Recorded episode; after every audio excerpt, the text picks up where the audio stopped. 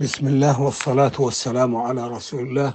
ونتابع الدروس والعبر من مشهد من قصة موسى عليه السلام. ونبدأ في الآيات 127 إلى 129 من سورة الأعراف. أعوذ بالله من الشيطان الرجيم.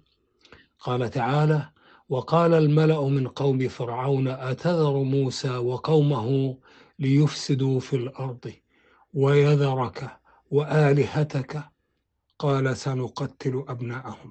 ونستحيي نساءهم وإنا فوقهم قاهرون قال موسى لقومه استعينوا بالله واصبروا إن الأرض لله يورثها من يشاء من عباده والعاقبة للمتقين.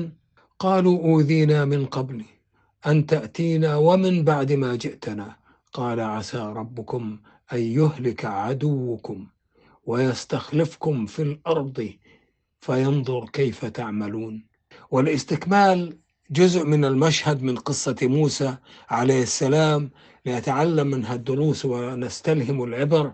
سنكمل الآيات من الآية 127 إلى الآية 129 ونبدأ في الحديث عن المعنى الإجمالي للآيات السابقة.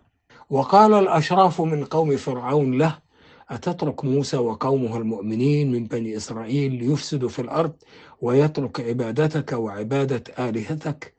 قال فرعون مجيبا لهم سنقتل أبناءهم ونستحيي نساءهم وإنا عالون فوقهم. قال موسى لقومه استعينوا بالله واصبروا إن الأرض لله يورثها من يشاء من عباده والعاقبة المحمودة تكون لمن اتقى الله تعالى. قال بنو إسرائيل لموسى آذانا فرعون وقومه. من قبل أن تأتينا ومن بعد مجيئك بالرسالة أيضا. قال لهم موسى عسى ربكم أن يهلك عدوكم. فرعون وقومه ويجعلكم خلفاء في الأرض من بعد هلاكهم فينظر كيف سيكون عملكم. وتعلمت من قصة موسى عليه السلام حين قال الأشراف من قوم فرعون وكبراء رجاله له أتترك موسى وقومه المؤمنين من بني إسرائيل من غير أن تعاقبهم؟ وتضرب على أيديهم؟ فيفسد عليك رعيتك في أرض مصر بعبادة الله وحده من دونك والدعوة إليه وإلى التمسك بفضائل ومكارم الأخلاق وهنا صدق قول الله تعالى فاستخف قومه فأطاعوه إنهم كانوا قوما فاسقين.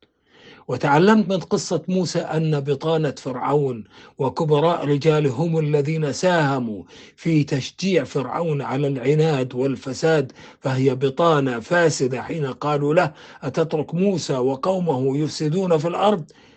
والحال أنه يترك عبادتك يا فرعون وعبادة آلهتك أو وينهى الناس عنك وعن عبادتها.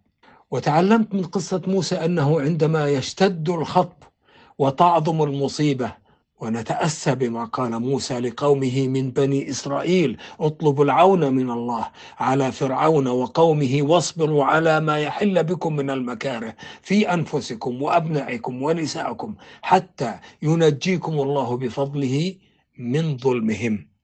وتعلمت من قصة موسى أن الأرض لله يورثها من يشاء من عباده. وقال موسى لقومه إن الأرض كلها لله وليست لفرعون ولا لقومه.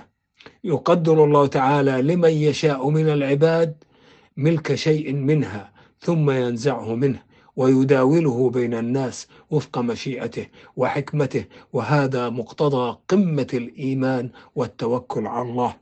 وتعلمت من قصة موسى حين قال بنو إسرائيل لموسى آذانا فرعون وقومه بقتل أبنائنا واستحياء نسائنا وإذلالنا من قبل مجيئك برسالتك يا موسى ومن بعد ما جئتنا كذلك أنهم قوم ضعاف الهمم وكانوا مغلوبين على أمرهم.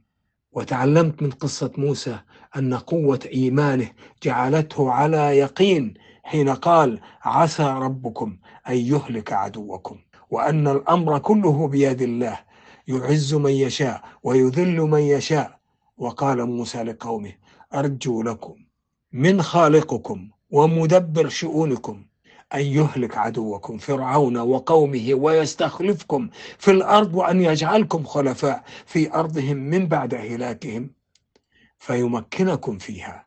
ولكن هذا الاستخلاف هو امتحان وابتلاء فينظر كيف تعملون. فيرى الله عز وجل ما تعملونه حين ذاك من خير وشر وشكر وكفر فيجازيكم عليه.